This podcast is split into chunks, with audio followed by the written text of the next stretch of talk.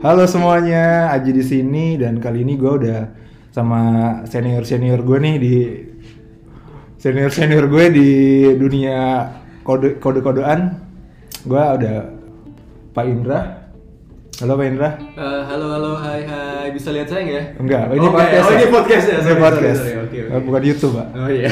Dan ada eh, Faisal Halo halo. dan ada Mas Reza. Halo, halo, halo. Halo, halo semua. Ada ada ada. Nggak bisa ya. mereka ini mereka ini eh, developer juga, web developer di boleh gue sebutin nggak sih tempatnya? Boleh. Boleh. lah. Kita sebutin aja. Senior gue di Tokopedia. Mereka web developer yang eh, canggih-canggih lah, yang canggih. Terus gue banyak belajar dari mereka. Masuk di podcast ini eh, kita mau sama-sama belajar dari pengalaman mereka. Eh, by the way, kenapa gue manggil mereka bertiga? Karena mereka ini eh, origin, origin. Asalnya tuh di luar Jakarta, di Jakarta kan. Nah, apa sih yang mau mau, mau gue angkat di sini? Yang gue angkat adalah mereka kan di luar Jakarta nih, terus sekarang berkarir sebagai web developer di Jakarta. Nah, gue pengen tahu eh, cerita di baliknya tuh gimana? Apakah memang mereka eh, ngelihat kesempatan yang bagus di Jakarta, ataukah ada cerita lain? Nanti dari pengalaman mereka, eh, mungkin teman-teman yang di di luar Jakarta juga mau mencoba peruntungannya di Jakarta jadi web developer, bisa banget nih nah eh, sharing dari mereka. Oke, mungkin pertanyaan pertama, gue pengen tahu nih asal mereka dari kota mana aja, mulai dari Pak Indra. Eh, kalau gua dari asalnya sendiri itu dari Kabupaten Kendal, salah satu daerah deket pantai di Jawa Tengah. Nah, kuliahnya enggak nih? Oh iya, iya, kuliahnya juga, kuliahnya juga apa-apa. Nah, kalau gua kuliahnya di salah satu universitas di Semarang. Itu cukup terkenal Mhm. bagi kalangan yang suka gamer. Oke. Jadi sempat ada acara game yang ya membuli-buli kampus gua waktu itu. Nah, gua salah satu di eh, alumni kampus tersebut. Inisialnya apa tuh? Oh, Dinus ya. Inisialnya Udinus ya? Iya, Udinus Iya, ya. Ya sempat viral itu Udinus, Pak. iya. Iya, iya. Viral banget sih emang. Jadi Pak Indra dari Kendal, Iya, dari Kendal. lahirnya di, di Kendal ya? Iya, lahirnya di Kendal. Kuliah di Gua anak Semarang. pantai sih. Oh siap, oh, anak pantai. Oh, anak pantai. Pak kalau Pak Faisal gimana? Gimana gimana apanya? Oh, asalnya gi- asal dari mana, kuliahnya di mana gitu? Yes, gue sebenarnya lahir di Malang, cuma besar di Bekasi. Mhm. Terus balik lagi gue ngampus ke Malang. Jadi dari Malang nih. ya dari Malang. Kalau Pak Reza? Eh, lahir di Bandung, Mhm. cuman besar di Sumedang. Ada yang tahu Sumedang? Iya. Tahu Tahu-tahu Sumedang. gitu ya? Eh gimana itu pak? Ah, tahu tahu tahu tahu. Ada di peta nggak sih? Tahu sebenarnya. Dan untuk kuliah saya merantau di Bogor. Jadi di salah satu universitas pertanian. di Bogor ya? Satu dua gitu ya. berarti ya? Salah satu Universitas Pertanian di Bogor ya, padahal cuma satu ya. Cuma satu Iya. ya. Dengan jurusan ilmu komputer yang mungkin dulu eh, sering apa ya, sering dibulinya emang ada ya. Dan apa hubungannya antara ilmu komputer dan pertanian? Siap-siap. Eh, Nah, gue ada pertanyaan nih. Gue udah siap beberapa pertanyaan buat mereka. Pertanyaan pertama tadi udah ya. Nah, boleh di share nggak kenapa pilih jurusan itu? Loh, Pak Faisal lalu lo, Pak Faisal lo ketawa nih. Pak Faisal coba dijelasin pertama Pak. gue gak tahu sih apa ya. Udah Ikut-ikutan atau gimana gitu? Iya, kebetulan gue pas mau jadi dokter gue gak bisa biologi. Mau jadi polwan nggak bisa ya? Ya, mungkin takdir Allah. Ya gitu. udah, Dir. siap, siap. Kalau Indra? Wah, kalau gue ceritanya panjang sih. Ini diceritain ceritain aja? Oh, ya ceritain sedikit aja sih. Sedikit Panjang aja. juga nggak apa-apa sih. Karena kita tak terbatas nih podcastnya sampai Oh kapan gitu ya. Jadi dulu itu kalau dari waktu kecil karena gue anak pantai, gue pengennya memang jadi seorang pelayar. Jadi istilah pelayaran lah. Oke, pelayaran. Kuliahnya ya kuliah pelayaran gitu. Cuma eh, ketika SMP, gue kenal satu temen. Eh, temen itu ngajarin gue caranya download lagu, download lagi di Forset. Kalau Oke. kalau ada Iya, iya, tahu iya. dulu download MP3 kan. Eh. Gue rasa waktu itu di SMP gue tuh kayak canggih banget gitu loh. Jadi teman-teman mau minta lagu mana mana, gue downloadin nih, gue downloadin gitu. Siap. nah jadi setelah itu gue rasanya kayak senang banget sama komputer walaupun gue bisa pegang komputer itu seminggu sekali waktu ada ekstrakurikuler Hmm. komputer di eh, SMP tersebut. Nah ketika itu udahlah gue masuk SMK nih. SMK-nya memang dari eh, dari SMP itu udah belajar blogger waktu itu. Jadi Hmm, siap. ya bikin blogger gitu kan. Nah SMK-nya gue ambilnya TKJ karena memang niatnya waktu SMK ya biar bisa apa dandani komputer ya dandani Iya, apa, bener, perbaiki komputer. komputer gitu. Lah jadi kalau rusak-rusak diperbaiki. Nah waktu setelah itu memang dari SMK itu udah ada kayak bayangan kalau misalkan antar kalau kuliah gua mau ambil di programming gitu jadi biar ketika gua program nih komputer gua rusak buat gua perbaiki sendiri gitu Iya, nah iya. untunglah kedua orang tua support selalu gitu sih ya bersyukurnya di situ lah Itu di Kendal ya? SMA, SMA, Ya, SMP-nya gue di eh, di Kota Waleri. Kota Waleri itu tapi kayak eh, ini banget lah, kecil banget lah. Jadi kayak deket sama pantai. Ya orang-orangnya juga jarang yang ya apa kayak komputer itu kayak ya nggak nggak ini banget lah.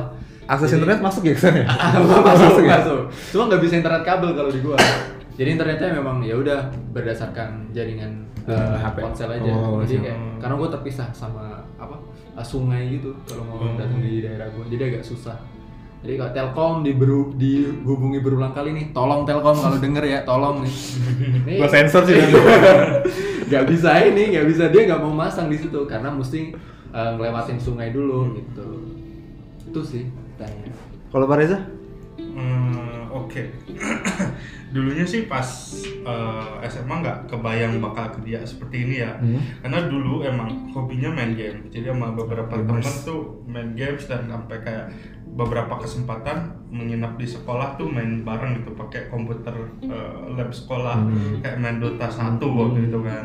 Nah, kayak tertarik itu jadi waktu SMA mindsetnya programmer atau bikin bikin game itu hanya sekedar drag and drop ya. Drag and drop, drag and drop nggak nggak apa ya nggak expect kayak sekarang ini Hmm. gitu. Nah begitu masuk kuliah baru terbuka lah itu sampai kepikiran juga kayak salah jurusan gitu. Siap. Siap. Waduh ternyata kayak gini gitu ngoding itu dan ya akhirnya eh, beberapa pengalaman tugas mata kuliah segala macam ya mau nggak mau juga karena kebutuhan demi sesuap nasi Siap. ya akhirnya ya eh, programmer jadi passion passion juga sih gitu Terpaksa. jadi hobi Terpaksa baru ya, juga jadi hobi baru. yang awalnya terpaksa jadi Jadi passion. jadi passion Jadi duit ya? ya. Jadi duit ya? ada kebutuhan gitu Iya iya iya. Oke oke. Jadi oh, oke menarik nih. Eh, langsung langsung berhubungan sama programming nih. Berarti tadi kalau Pak Indra dari dari awal emang tujuannya biar bisa oprak-oprak komputer Iya, sendiri. iya, betul. Kalau Pak Faisal takdir Allah kan, ya? takdir Tuhan. Mas Reza juga kecemplung kan? Eh, salah jurusan. Kenapa salah jurusan sih? Enggak, enggak juga. Iya ya, jadi, jadi passion ya. Hmm. Jadi oke, memang jalan Tuhan tuh gak ada yang tahu ya. Iya, betul. Nah berhubungan sama programming nih, eh, untuk kalian di titik kapan? eh, kalau yang tadi Mas Reza kan nyoba-nyoba gitu gitu kan. Hmm. Nah kalau yang lain gimana nih? Titik titik, wah ini programming gue suka banget nih. Ini nih jalan hidup gue nih. Pada saat kapan tuh? Mungkin Pak Faisal nih yang tadi. Dari gua apa Iya. lagi? Fokus lah. Enggak, kalau gue ditekannya sebenarnya bokap. Bokap itu sebenarnya lulusan teknik mesin. Cuman emang dari pas lagi kerja emang suka banget main komputer. Nah dari situ mungkin ada bakat mimpinya dia pada saat muda itu nggak tersampaikan saat tua mungkin makanya nah, di rumah itu dia sering bikin-bikin buat aplikasi buat kantornya sih di situ. Widih. Nah dari situ kayak keren aja sih. Ternyata orang yang bisa bikin website itu ternyata orang yang ada di rumah gua. Bokap lu sendiri. Iya. Dari situ keren jadi ya kayak kepo kepo kepo gitu. Akhirnya dijelasin sama orang tua, orang tua juga nggak tahu ya ngasih apa ya suruh belajar sendirilah kebetulan pas di kampus ya harapannya dulu pengen jadi kayak bokap gitu ya bener-bener jadi kayak titik titiknya itu di situ Oh, Oke. udah ada bukti nyata di lingkungan gue pengen bisa ngebuktiin gue juga bisa kayak dia gitu makanya Dalam ini bokap ya. bokap ya Di situ terharu gue. Mantul, mantul, mantul. Panutannya langsung orang tua aja. Siap siap. Kalau Pak Pak? Kalau gua titiknya eh, ini sih. Jadi dulu itu kan dari waktu SMK itu eh, banyak di oprek komputer ya, komputer itu sama jaringan komputer kan. Cuma ada satu satu ekstrakurikuler tuh dulu web design. Cuma dulu itu sekedar kita bikin markup HTML doang sih. Iya. beneran body terus kita bodinya pakai title udah gitu doang gitu kan. Padahal gua waktu itu udah udah belajar blogger udah tahu nih kayak HTML HTML mau taruh mana gitu kan. Nah cuma setelah itu gua masuk di eh, masuk kuliah gue ambil programming kan. Eh ambil jurusan teknik informatika. Nah ternyata apa yang dipelajari sama gue nggak expect kok kayak kok yang pelajari kayak gini nih? Hmm. belajar bahasa sih cuy. Dulu gue bahasa sih dulu kan. Eh, walaupun sebenarnya setelah gue lulus gue tahu oh niatnya awal itu memang melatih logik gitu kan. Hmm. nah cuma waktu itu gue apaan sih? Ini mau buat program apa dari kayak gini doang? Gitu kan Komen prom doang gitu. iya komen prom doang. Nah makanya gue kayak eh, males gitu loh kayak kuliahnya. Jadi ikut lebih banyak gue ikut komunitas. Hmm. komunitas open source komunitas eh, komputer club di situ. Nah waktu itu dulu waktu semester 2 itu bikin satu acara acara makrab lah di komunitas itu. Malam akrab ya menurut malam akrab ya nah waktu itu ini eh, eh, kemampuan blogger gua itu gua pakai untuk eh, ngelobi villa yang gua pakai. Gitu. Jadi kayak villa ini eh, harganya sekian nih kalau nggak salah dulu 2 juta sekian berapa gitu lah Itu sewa, Nah, harga sewa atau harga jual? harga harga sewa. Oh, harga sewa. harga sewa. Udah harga jual 2 juta. beli langsung nah harga sewa waktu itu. Nah gue bikin tuh blogernya gue gue bikin kan sama teman-teman. Eh tolong desainin dulu logo logonya ntar gue bikin nih webnya gitu. Nah setelah itu gue datang ke tempat orang yang punya villa ini. Gue datengin gue prospek cuy. Prospek. Jadi sales ya, Pak? iya jadi kayak "Eh, bu kalau misalkan nih eh, villa gue bikinin website ada di Google Mapnya gue tag ini bagus banget buat ini buat orang tahu gitu ya. Gue gak bayang sih dapat gimana blogger. Eh, kayak gitu cuy. Dia bener bikin, Canggih banget bikin banyak blogger kan. Udah cari duit. Nah, jadi waktu itu gue dapet cuma bayarin kalian tahu kan ini yang berkurang harga dari harga sewanya itu cuma 250.000 ribu rupiah dikurangi sama orangnya segitu. Cuma waktu gue waktu itu gue bangga banget. Oh, iya. first project gue kayak wih keren nih karya gue akhirnya kepake Kepake, gitu. langsung Nah, kepake. Karya nah, pertama langsung kepake. iya baru waktu itu kan kayak nah gitu. Oh ternyata gue nggak mesti bisa kuasai banget di bahasa sih ah yang lain aja lah Jadi di web blogger aja udah bisa menghasilkan itu walaupun dulu gue nggak dapet hasil secara uang dibayar gitu kan. Cuma dari nego villa ini jadi dikurangi walaupun 250.000 ribu nah itu titik jadi titik awal gue kayak oh kayaknya gue mesti belajar belajar lagi nih ini yang mesti gue gulti gitu kan jadi waktu itu udah ya sama teman-teman belajarnya belajar web belajar web gitu. Hmm. kayak gitu sih Itu di eh, kuliah ya, Dua kuliah ya. Semester 2 tuh. Semester 2 udah nyari duit tuh. Iya dulu. Udah lihat Gitu. peluang ya, udah bisa lihat peluang. Nah itu sebenarnya ya ya itu ya titik awal itu sih. Walaupun setelah itu nggak nggak selalu gua terus bikin terus orang-orang mau beli ya, belum belum lah waktu itu. Jadi pada intinya ketika Nah, bikin itu. blog itu kepikiran wah ini ini jalan hidup gue nih gue Iya, passion gue di sini nih asik nih kalau hidup dari sini, kalau gue gitu. terusin ya siap siap siap Reza gimana Ya, eh, betul-betul masuk ke dunia programmer itu apa ya sama nggak jauh beda sama Indra sih. Ya awalnya kayak ada eh, iseng-iseng gitu. Jadi eh, dulu itu jadi untuk menambah pemasukan mahasiswa dulu kan. Jadi pada saat di asrama dulu itu eh, apa namanya kayak buat pemasukan itu kayak buat servis buat instalasi install ulang install ulang gitu. Install ulang Windows gitu. Dulu kan kayak orang-orang belum banyak yang bisa tuh. IT banget ya waduh. Pak polisi, tolong, Pak polisi. dulu kayak gitu. Cuman waktu Windows itu XP kan ya? Oh, udah gratis, udah gratis, udah XP udah gratis. cuman waktu itu cuma jalan sebulan habis itu ditegur. Nggak boleh kayak gitu. Nah, Gak boleh pak, kayak gitu lagi. Iya. padahal lumayan cuy. Iya. Iya gue juga ngalamin waktu itu nah eh, habis itu sama tim beberapa orang sih rekan-rekan kayak bikin semacam apa ya kayak usaha kecil-kecilan. Jadi ke dulu ada kayak UKM UKM gitu kegiatan mahasiswa gitu yang butuh kayak profile websitenya gitu. Nah akhirnya kayak web statis gitu kita coba tawarin gimana kayak bikinnya gitu. Waktu itu ya dibayarnya pun masih seikhlasnya gitu kayak bangga aja gitu Hmm, sampai iya, bagian hobi. Apa pun berapapun dibayarnya ya alhamdulillah gitu kan. Nah eh, pada saat itu kayak eh, tim itu buat dan buatnya pun web statis pada saat itu di uploadnya itu di hostingnya pas kayak hostingan free hosting gitu yang ujungnya tuh .xyz kayak ID hostinger ID atau apa iya, iya, yang iya. free freean Oh, itu lah Ya gua oh, gue tahu ya, tahu. Tahu. nah yang kayak gitu gitu nggak dan ada free hosting lagi.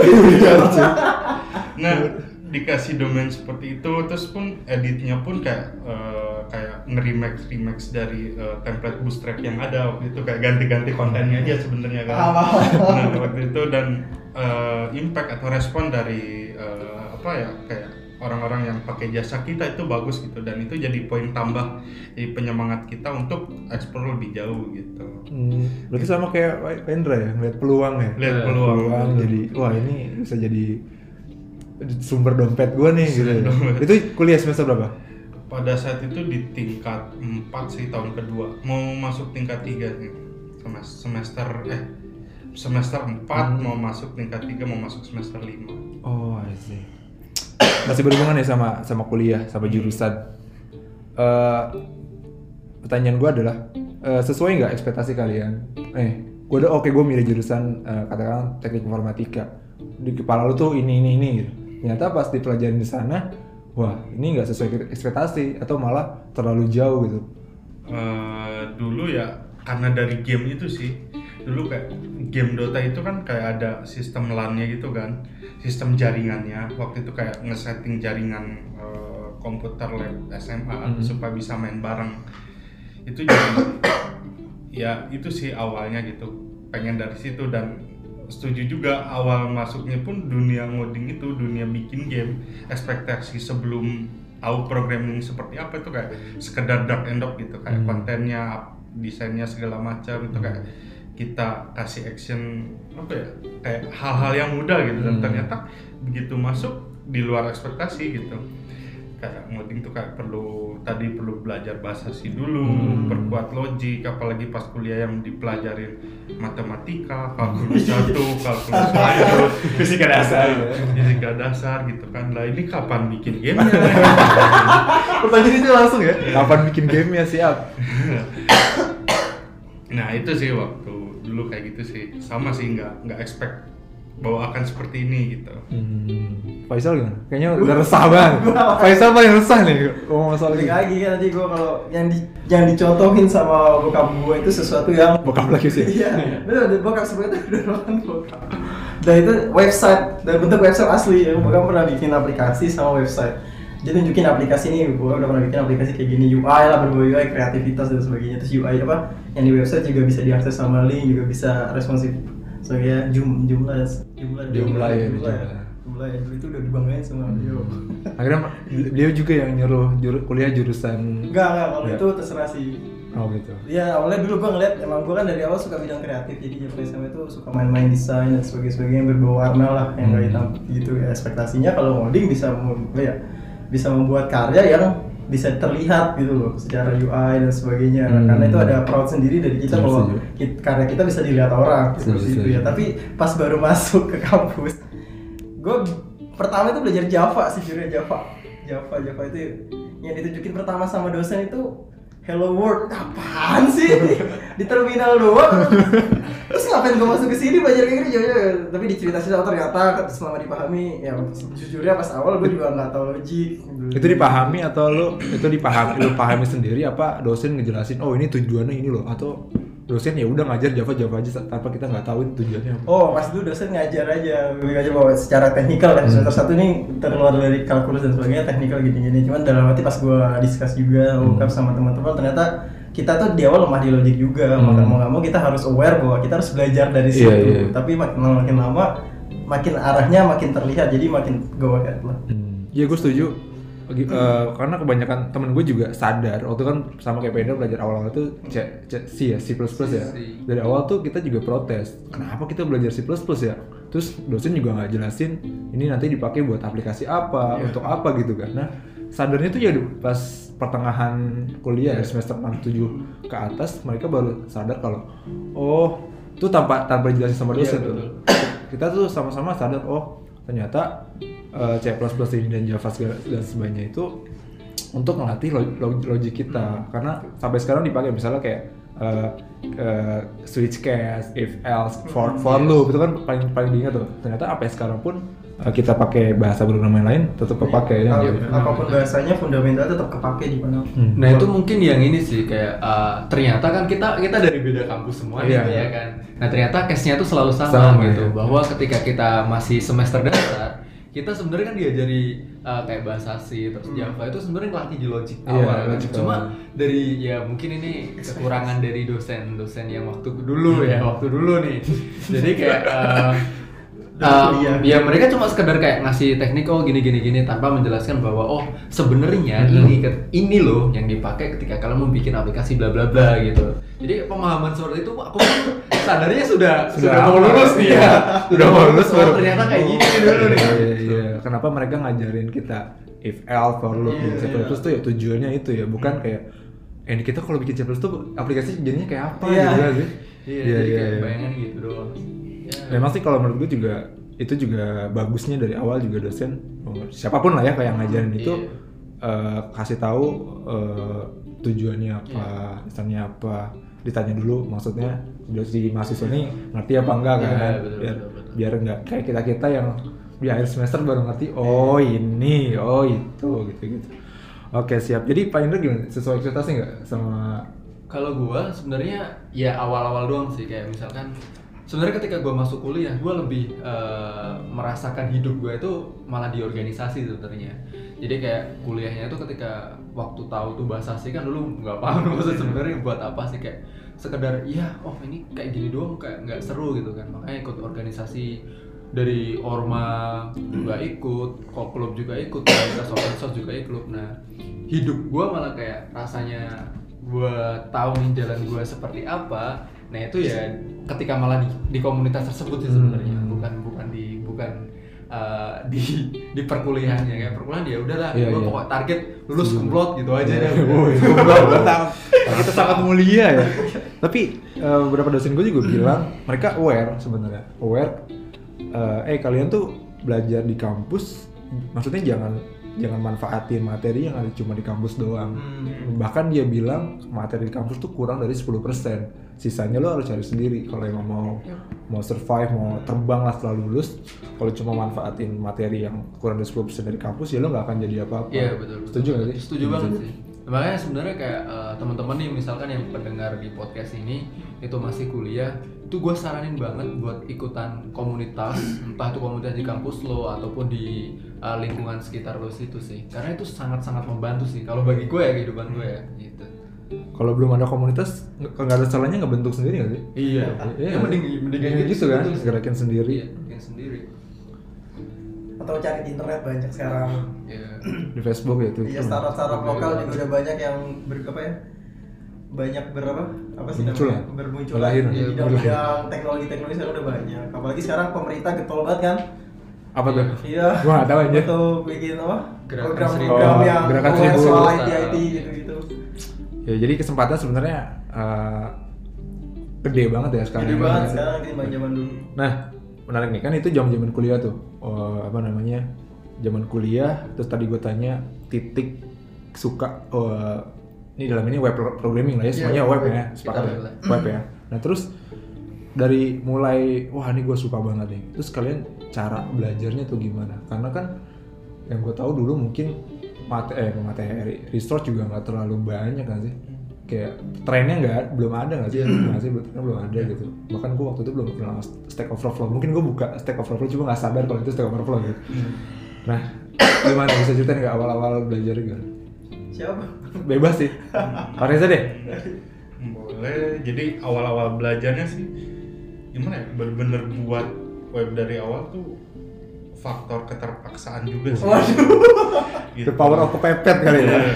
Jadi biasanya kalau ada tugas, ya bisa jadi ini buat pelajaran juga sih.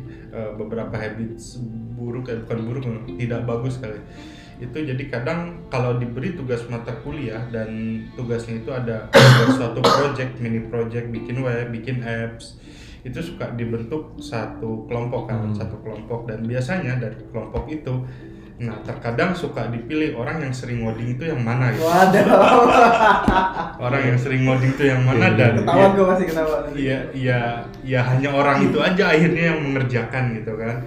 Nah dulu saya ada di posisi itu jadi pada pernah sampai satu semester itu ada empat eh, project tugas mata kuliah dan ya itu empat empatnya ya saya aja yang ngerjain gitu. Untuk satu kelas itu? Ya dan dan itu pun belajarnya tuh membuat apa ya, membuat web atau membuat aplikasi itu tidak ada di mata kuliah gitu kan. Jadi kayak dosen hanya menyuruh bikin ini ini ini, ini. dan itu ya Karena aplikasinya bebas lah ya bu. aplikasinya bebas dan fully ya akhirnya belajar sendiri dari internet atau dari baca buku sempat pernah be- beli buku juga kan kayak belajar cepat segala macam nah akhirnya ya fully bener-bener belajar sendiri sih gitu dari dosen itu kayak semacam pengantar aja Iya gitu. benar-benar. nah ya apa ya saran saya sih ya bener-bener apa ya berani mulai sendiri sih. Mulai berani untuk ya. memulai sendiri gitu. Jadi terus juga jangan kayak eh, apa ya jadi sosok apa dalam satu tim itu yang mengandalkan orang lain gitu Hmm. kalau kalian ingin maju ya terkadang Iya. majulah sendiri atau mulailah sendiri gitu Malah kalau kalau kita ada di posisi yang gue pernah mikir gini, kita ada bikin kelompokan ya. Hmm. Misalkan kita sendiri nih yang yang sangat getol lo pengen ya dulu mungkin nyari nilai lah ya. Kalau misalkan satu tim kita yang lain gak kerja, akhirnya kita ngikut gak kerja, akhirnya kita yang jelek juga. Hmm. Tapi kita gue berpikir bahwa dulu ya udahlah, gue yang capek-capek susah belajar coding dan sebagainya. Tapi kita lihat sekarang mana yang dari, satu kelompok itu masuk. Iya, karena gue yakin pengorbanan itu kalau nggak ada hasilnya percuma. Tapi kalau misalkan kita melakukan itu karena suatu tujuan yang benar, itu nggak ada salahnya apa apa sih. Hmm. Kita bisa lihat ya sekarang siapa yang jadi programmer kan? Iya. Siapa yang jadi CTO? Yang lain jadi pengusaha. yang lain yang lain CTO. Aduh. Aja serius serius serius. serius. Tadi pertanyaannya apa sih anjir gue lupa. Tadi tips belajar bukan? Oh iya iya belajar, cara belajar. Cara belajar. pengen lagi gimana? Oh kalau gue, jadi kalau Reza itu mungkin dia jadi tukang coding di setiap kelompoknya. Kalau gue ini sih, gue itu beruntungnya gue. eh, gue waktu dari semester gue itu ikut semacam kelas khusus gitu di, di kampus kan. Dan sampai gue lulus, gue tuh selalu berkelompok sama tiga orang. Tiga orang ya ada namanya teman gue yang di Shopee sekarang, ada yang juga di Tokopedia yang gue ajak juga. Jadi software engineer juga di Tokopedia. Nah itu dari semester 2 tugas apa pun itu selalu bareng. Oh, Jadi Nah, enak contoh. banget enak ini- banget kayak gini. ini contoh Contoh. Nah jadi eh, kita kayak udah udah klop banget. Jadi kayak role apa yang kita mainkan itu selalu wes sudah udah paham. Jadi siapa yang mau ngerjain. Biasanya ketika dalam role tersebut di tiga orang itu, yang coding memang dua, yang coding memang dua. Jadi gua sama teman gue yang ada di Tokopedia ini. Jadi gantian. Eh, ntar kalau misalkan tugasnya di Python ya, ntar dia yang coding. Kalau misalkan ada web yang berkaitan sama desain, gue yang coding gitu. Nah yang satunya itu fokus memang di bagian proposal, terus bagian presentasi, dokumentasi dan nyatanya kerjanya dia sekarang di Shopee pun sama seperti itu. Jadi kayak ya. ah, rule-nya seperti itu. Tapi kita gede ketika lulus, lulusnya juga bareng waktu itu, bareng wisudanya kita bareng juga dan kita Wah, keterima di bisa. startup juga bareng-bareng gitu. Jadi dia di situ dan di. Nah, gua kalau di uh, cara belajar di situ ya alhamdulillahnya gua di kampusnya dapat teman yang ini sih.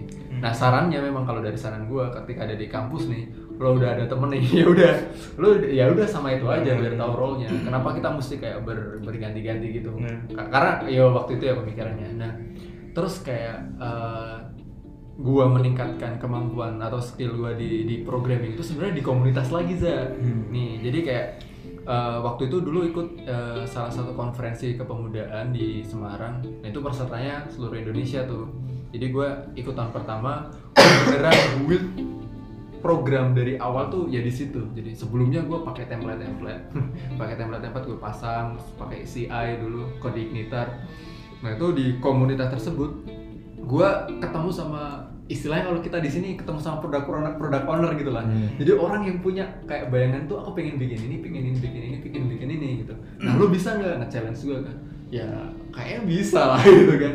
Nah jadi dari situ gue belajarnya dari situ memang beneran terjun langsung ke dunia in- eh istilah apa? Industri itu. Industri. Beneran industri. Walaupun gue nggak dibayar sama sekali tapi apa yang gue bikin di situ terus apa yang gue pelajari di situ tuh sangat bermanfaat di sini. Bahkan gue masuk Tokopedia full gue cerita sama HR itu ceritanya komunitas ini yang tak ceritain. Jadi kayak kenapa gue bikin ini terus kenapa situs yang gue bikin dulu down karena nggak ada uh, auto scale nya dan bla bla bla gitu Jadi eh, apa yang ya ternyata ternyata itu eh, apa yang kita lakukan waktu entah waktu kuliah lah, entah waktu itu di komunitas itu beneran bermanfaat banget ketika kita selesai dari situ. gitu. Jadi keluar oh iya nih gue cerita ini cerita ini beneran seru banget sih asli. Hmm.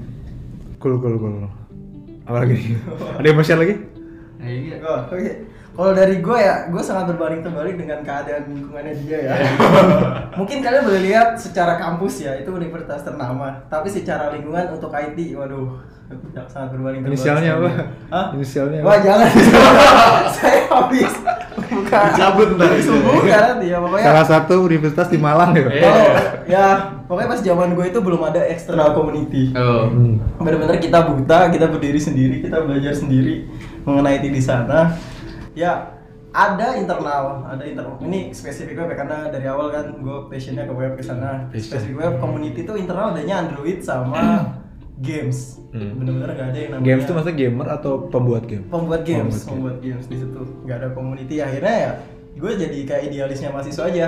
Kalau misalkan gue belajar dikasih presentasi, hal yang paling pertama gue pengen cari adalah presentasi satu semester itu.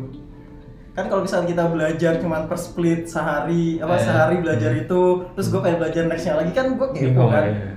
Ya gue minta aja Sama dosen gitu? minggu ke depan sampai satu semester sebenarnya main bahasa apa sih nih akhirnya ya gue pelajarin semuanya dan sebagainya daripada nunggu dosen karena kalau misalkan monoton di satu itu aja kayak agak jenuh kalau Hmm. apa kalau misalkan kita kuliah ya itu sih tadi terus yang kedua baru ada community itu pas gue lulus. Waduh. dan itu Sengaja kali pak nungguin bapak lulus. ya? maksudnya external community di, Ma- di Malang ya spesifik di Malang. Itu baru ada yang namanya Facebook Dev Circle. Oh, Facebook Dev Circle Malang. di situ kan dan di situ gue baru tahu React sih. Hmm. Itu juga gue belum gak masuk community itu cuma denger dari temen gue yang heboh banget soal community. Jadi apa sih sebenarnya? Apa sih? Terus oh React React itu apa sih? Dan sebagainya sebagainya baru dari situ gue mulai belajar belajar cuma secara internal kode igniter dan sebagainya tadi misalkan kita di lab Hmm. di lab kan pasti kita dapat buku modul kan saat Iya. itu Ah. ya misalkan yang lain baca di misalkan di jam di dua jam itu cuma belajar di bab satu kalau gue sih ya gue pelajarin semuanya sekedar sekedar baca aja nanti misalkan ada yang nggak paham diulangin lagi atau enggak dicoba implementasi dari awal gitu, gitu sih Hmm. dan kalau misalkan lu udah bisa implementasi di lab itu mungkin kalau misalkan ada spend waktu kalau gue sih ini nyoba-nyoba apa pun itu misalkan CSS-nya atau misalkan HTML-nya atau misalkan framework-nya ada Hmm. pertanyaan dari gue kegelisahan gue coba-coba aja sampai Oke. kalau gue sih itu sih Tipsnya menarik sih. Jadi buat kalian yang masih kuliah, misalnya ada mata kuliah tentang web gitu, Iya. spesifik web nih. Spesifik. Eh, ketika dosen hari pertama ngasih presentasi, jangan berhenti di situ ya, langsung comot aja. Full pak, aja saya minta. sebenarnya dosen mau bahas apa sih kan Iya. saya minta presentasinya semua full ya, biar saya pelajarin dulu di rumah sama teman-teman. Oh cakep tuh. Kayaknya jarang sih gitu. Jarang banget sih. Jarang. Gue juga nggak mau kayak gitu dulu. Jarang kan? Ntar aja dah, biar penasaran kali gue. Nah, menarik nih. Biar teman-teman yang sekarang masih mungkin masih belajar, yang masih eh, di luar terluar apa terlepas dari dia eh, belajar di kampus atau dia udah lulus dan masih masih belajar nih. Nah, biar tambah apa ya namanya tambah semangat atau tambah penasaran nih. Kalian bisa share nggak sih sebenarnya kesempatan berkarir di eh, katakanlah ya perusahaan teknologi lah sebagai programmer nih. Karena eh gue banyak baca baca berita nih lulusan IT di Indonesia sebenarnya banyak tiap tahunnya. Cuma yang terkonversi ke programmer ya kata ya ini dalam hal ini kan programmer ya mungkin mereka di eh, apa namanya di jurusan di ya di bidang lain lah. Karena karena kita ngomongnya programmer eh, lulusan IT yang terkonversi jadi programmer itu eh, sedikit. Nggak nggak nggak banyak lah. Mungkin ya mungkin kampus gue juga sama gitu. Kalau ya gue bisa share di kampus gue mungkin kendalanya adalah itu tadi kurikulumnya. Kurikulumnya terus dari eh, pengajarnya juga mereka nggak punya banyak waktu untuk riset. Tentang trennya sekarang terus ke bawahnya juga kan ya ya udah gitu-gitu aja. Terus yang paling ini ya dari mahasiswanya itu sendiri kurang eh, apa ya kurang aware kurang penasaran sih. Nah biar biar teman-teman penasaran nih kalian bisa bisa share nggak eh, kesempatan apa yang bisa di apa namanya tuh kesempatan apa yang bisa dikejar sih? Apakah salarinya atau kejabatannya gitu? Gue punya setuju sih sama kata Mas Aji tadi kalau misalkan eh, lulusan kita itu program apa lulusan IT tapi yang terkonversi jadi programming itu sangat sedikit. Gue dulu waktu semester 5 itu magang selama sampai semester 6 itu di salah satu staff IT-nya di kampus kan. Nah, itu spesifik ke biro eh, karir center. Jadi ya memang khusus untuk si alumni-alumni dan orang-orang yang pengen magang di perusahaan apa bla bla bla gitu kan. Di kampus gue itu fokusnya memang di eh, IT, fokusnya di jurusan teknik informatika. Bahkan mungkin 60% lebih orang yang kuliah di situ itu tuh ambilnya teknik informatika. Nah, tapi fakta menariknya ketika gue magang di situ, orang kan banyak yang misalkan ikut job fair atau apa. Gue datanya ada nih. Ya. Gue lihat tuh tuh memang orang malah tertariknya itu nggak di IT dan bahkan banyak yang terang-terangan bilang ke gue, Mas ada nggak ya Mas lowongan yang ini apa lowongan buat ini lulusan? Gue gue tanya kan, "Eh, apa Mas TI ya? Kalau TI banyak nih gue listnya gitu kan programmer ini. Kalau bisa jangan deh Mas gitu. yang yang bang-bang aja bisa nggak gitu. Aduh. Jadi memang memang banyak banyak banyak banget yang seperti itu sih gitu.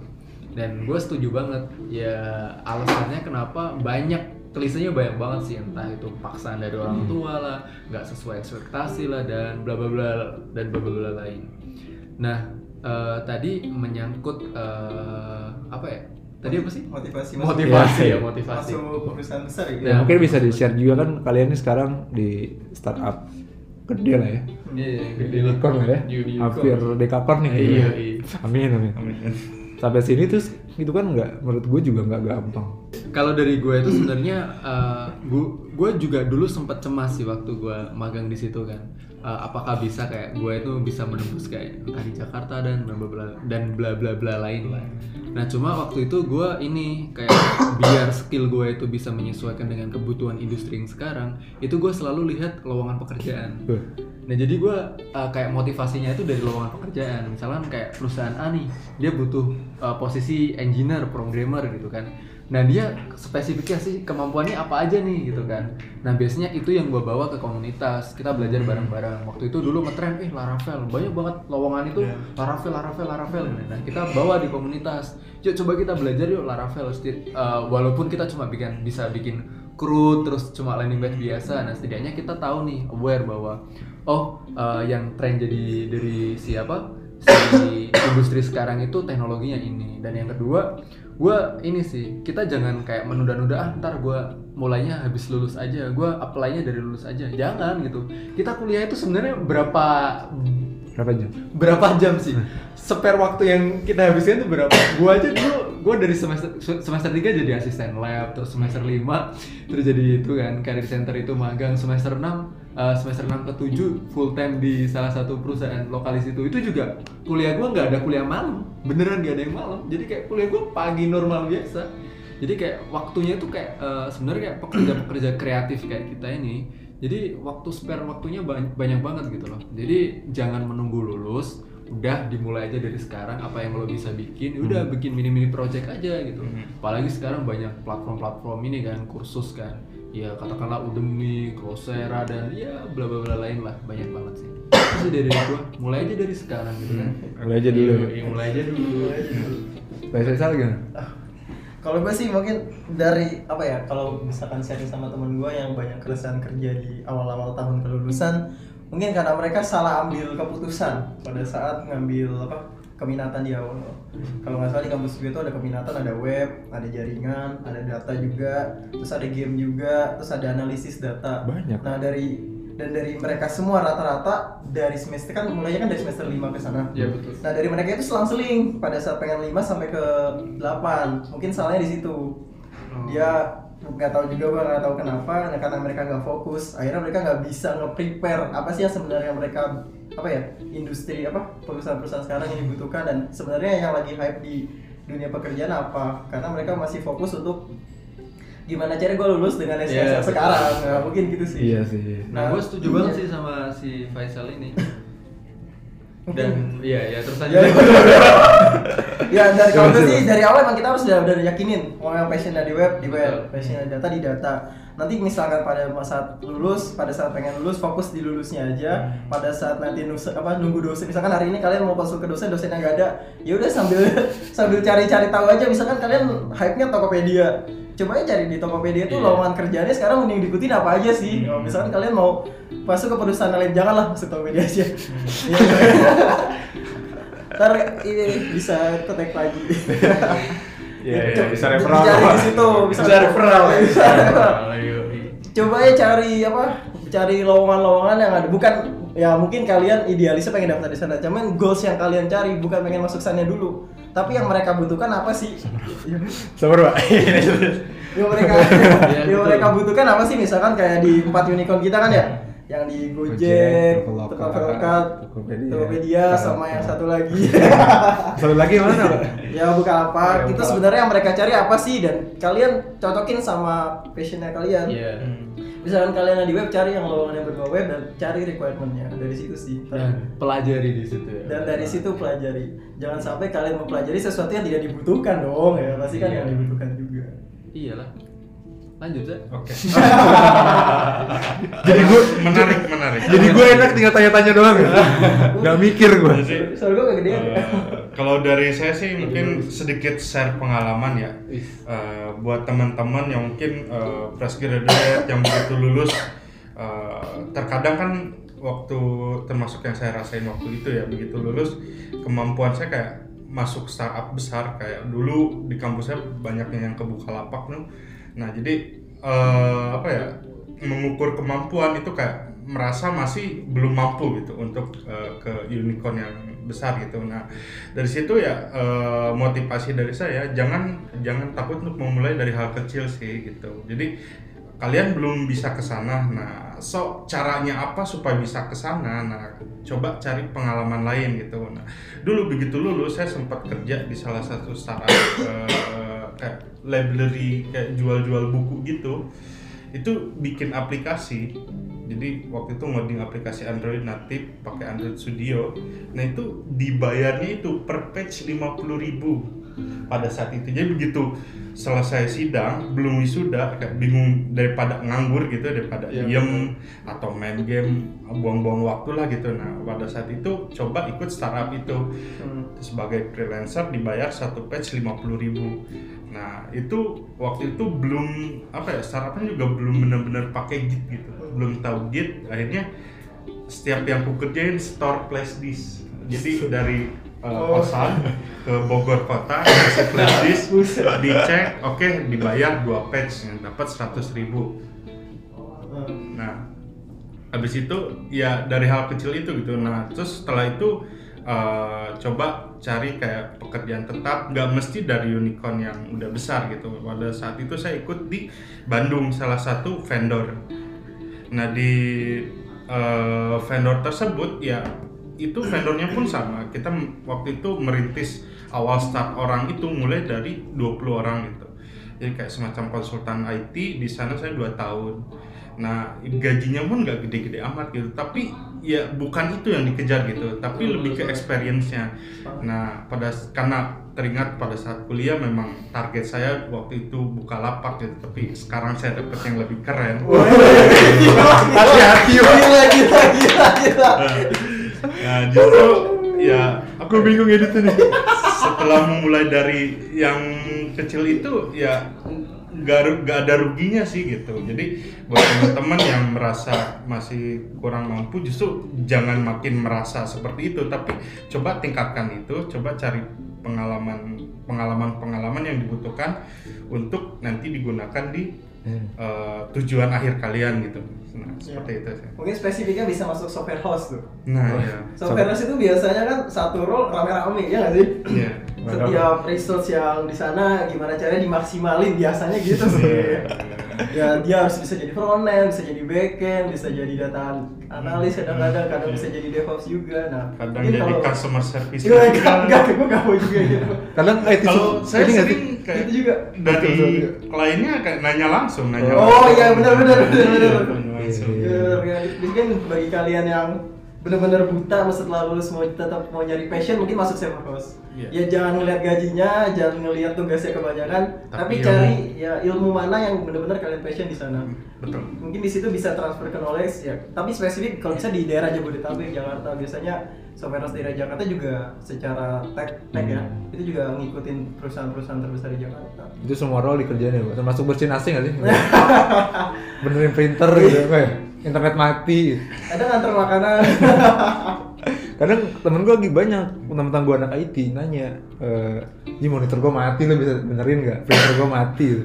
wifi di rumah gue juga mati gitu. Oke. Masih lanjut oke, masih hidup ya rekamannya. Oh, sama apa tadi? Pertanyaan selanjutnya nih. Ah, hehe. susah nggak sih masuk? Kayak gitu ya. Susah, panjang ya? Bisa dilihat kok Bisa gue cut tadi. iya oke Jangan aneh-aneh, gue susah ntar katanya Susah gak sih masuk eh, masuk Tokopedia deh? Susah- gak sih? Eh, jawabnya eh, jawab ya kalau udah ada gini ya eh, apa ya gimana ya Kayak susah banget ya? Siap Sebenarnya kalau dari gua nih, ternyata masuk Tokopedia itu tidak sese seseram Semenakutkan. ya, Iya. semenakutkan apa yang gua bayangkan sebelumnya gitu. Hmm. Jadi kayak eh, ya gua memang masuknya agak beda karena gue intern dulu kan, kan nggak kayak kalian yang nanti bakal langsung full time gitu. Jadi kayak eh, dulu apa? Gua bayangin masuk Tokopedia itu sempat dulu tesnya ah bla bla ini pokoknya ribet banget lah gue mikir ya gitu kan. Eh ternyata setelah masuk ya gue waktu itu tesnya ya logik logik aja sebenarnya sama gue cerita cerita tadi. Iya iya iya ternyata tidak semenyeramai itu. Gitu. Nah, jadi kalau kalian tertarik nggak apa-apa nih. Nggak. Langsung email gue aja nggak apa-apa. email aja. Titip CV gak apa-apa Jadi better malah kayak menurut gua ya udah jangan jangan kita jangan takut dulu, jangan underestimate dengan kemampuan diri itu sendiri sendiri sendiri gitu kan.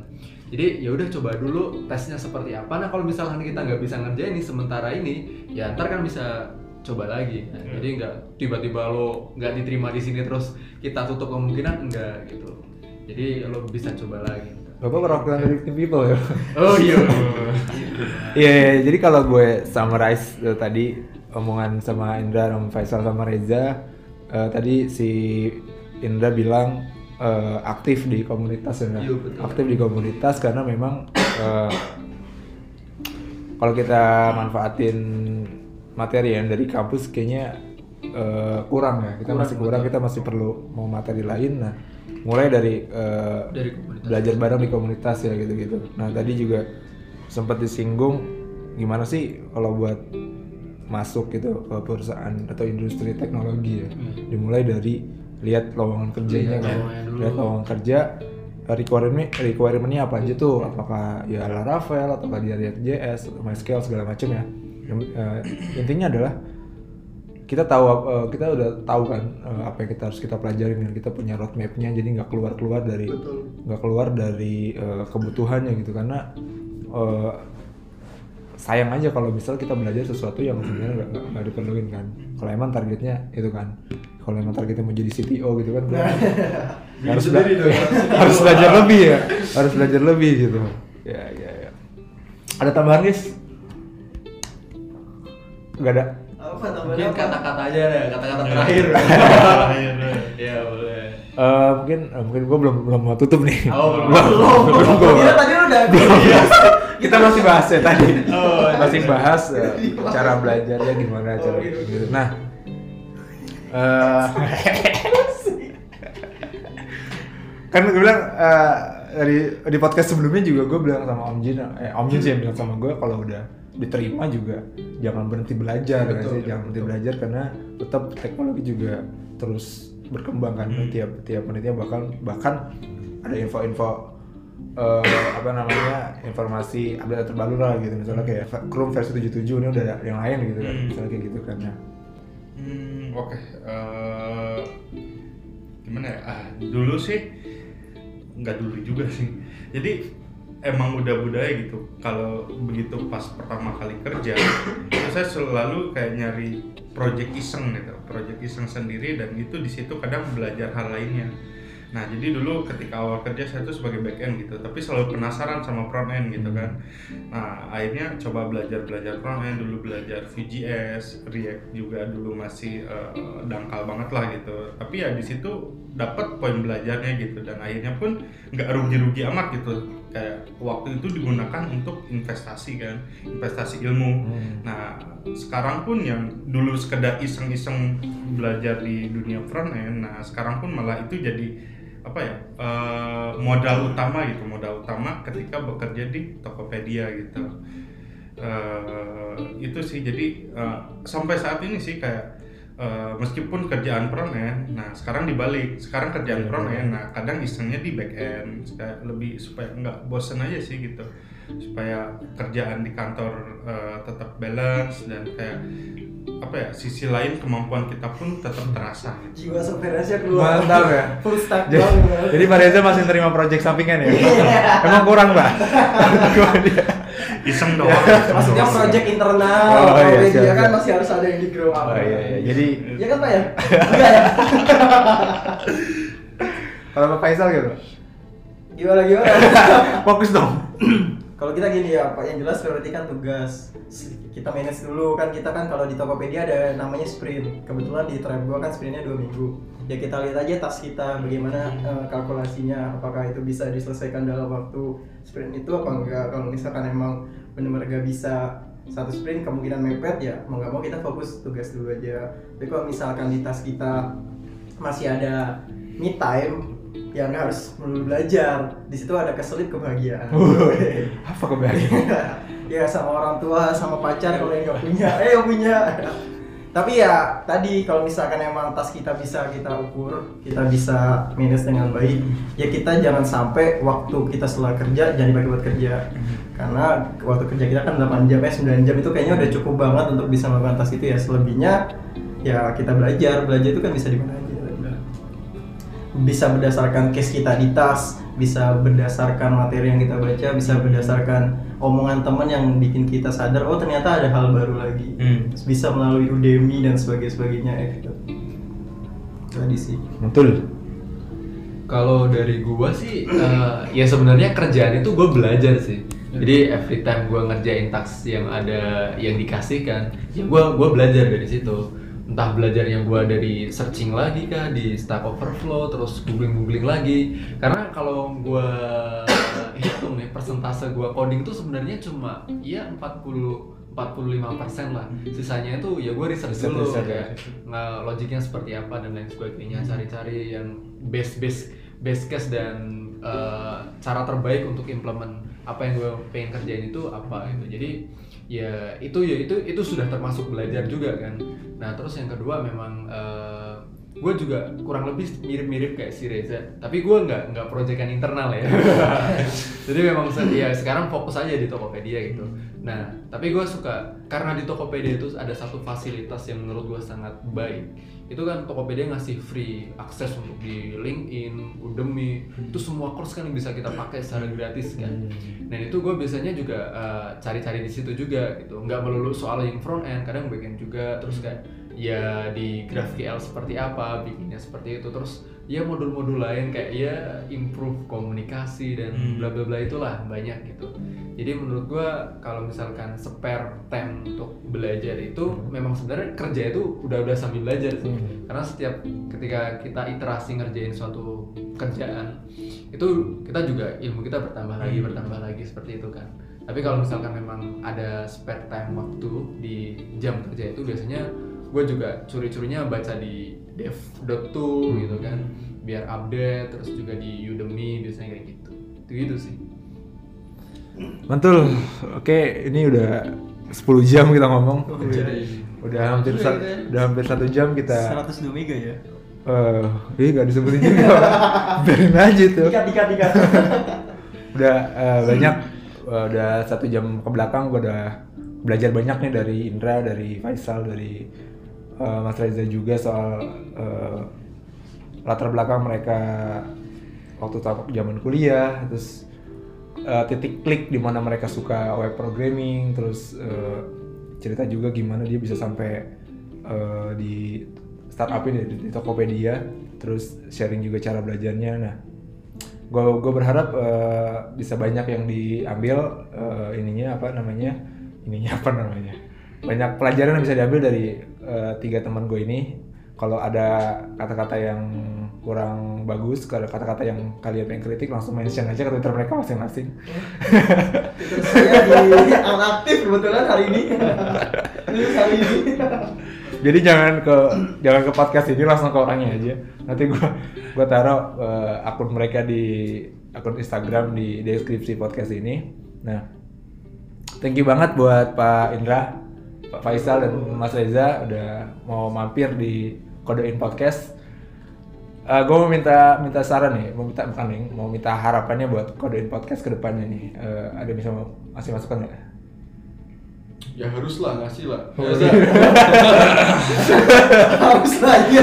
Terus. Eh, Apakah udahlah jangan terusin lagi? masukannya apa ya Eh, harapannya deh harapannya. Harapannya, harapan daripada susah masukan. Lu- Karena belum ada pemasukan. Oh, harapannya masukannya deh. bisa apa ya karena sharing kan jadi bisa lebih banyak sharing lagi gitu videonya bisa eh video lagi episodenya bisa lebih lanjut lagi gitu tetap semangat untuk eh, sharing tambahin apa ya nyari bintang tamunya juga bisa jadi yang bintang lebih tamu. lebih keren keren lagi banyak Pak William ya.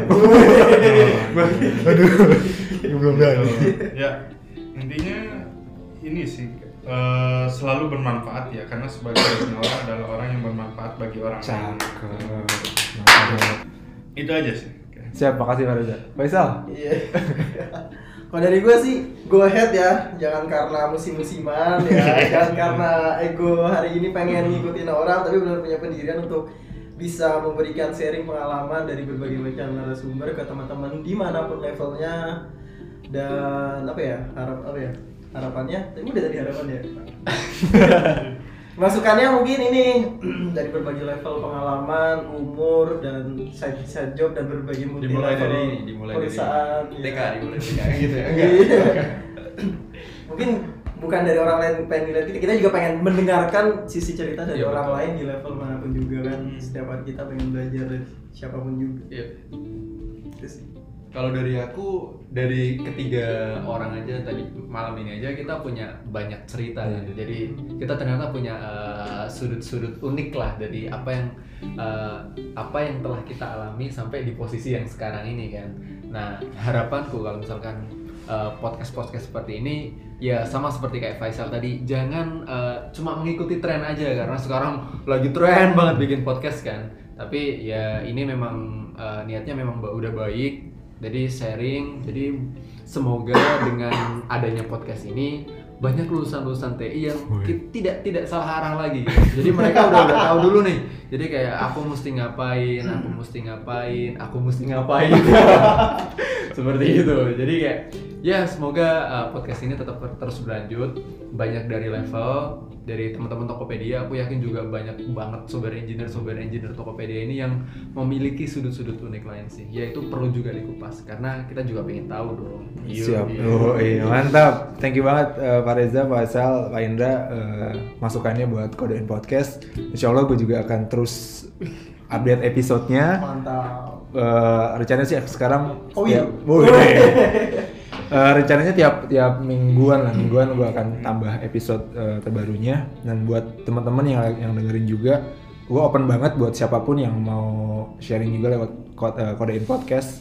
Kalau memang kita bisa ketemuan kita ketemuan. Kalau eh, harus via internet juga kita bisa calling callingan ya. Nanti di mention aja di atau bisa, bisa DM gue di nanti eh, Instagram yang gue kasih tahu di deskripsi Oke, eh, sekali lagi terima kasih banyak buat teman-teman yang udah mau dengerin. Bukan buat kalian ya. buat buat Oh, iya. teman-teman. buat teman-teman yang udah mau dengerin dan buat eh, narasumber kali ini yang udah mau nyediain waktunya. Thank you banget, Pak. Terima kasih banget, terima kasih. Thank you, thank you. thank you juga Oke, eh, gua tutup episode kali ini. Bye bye.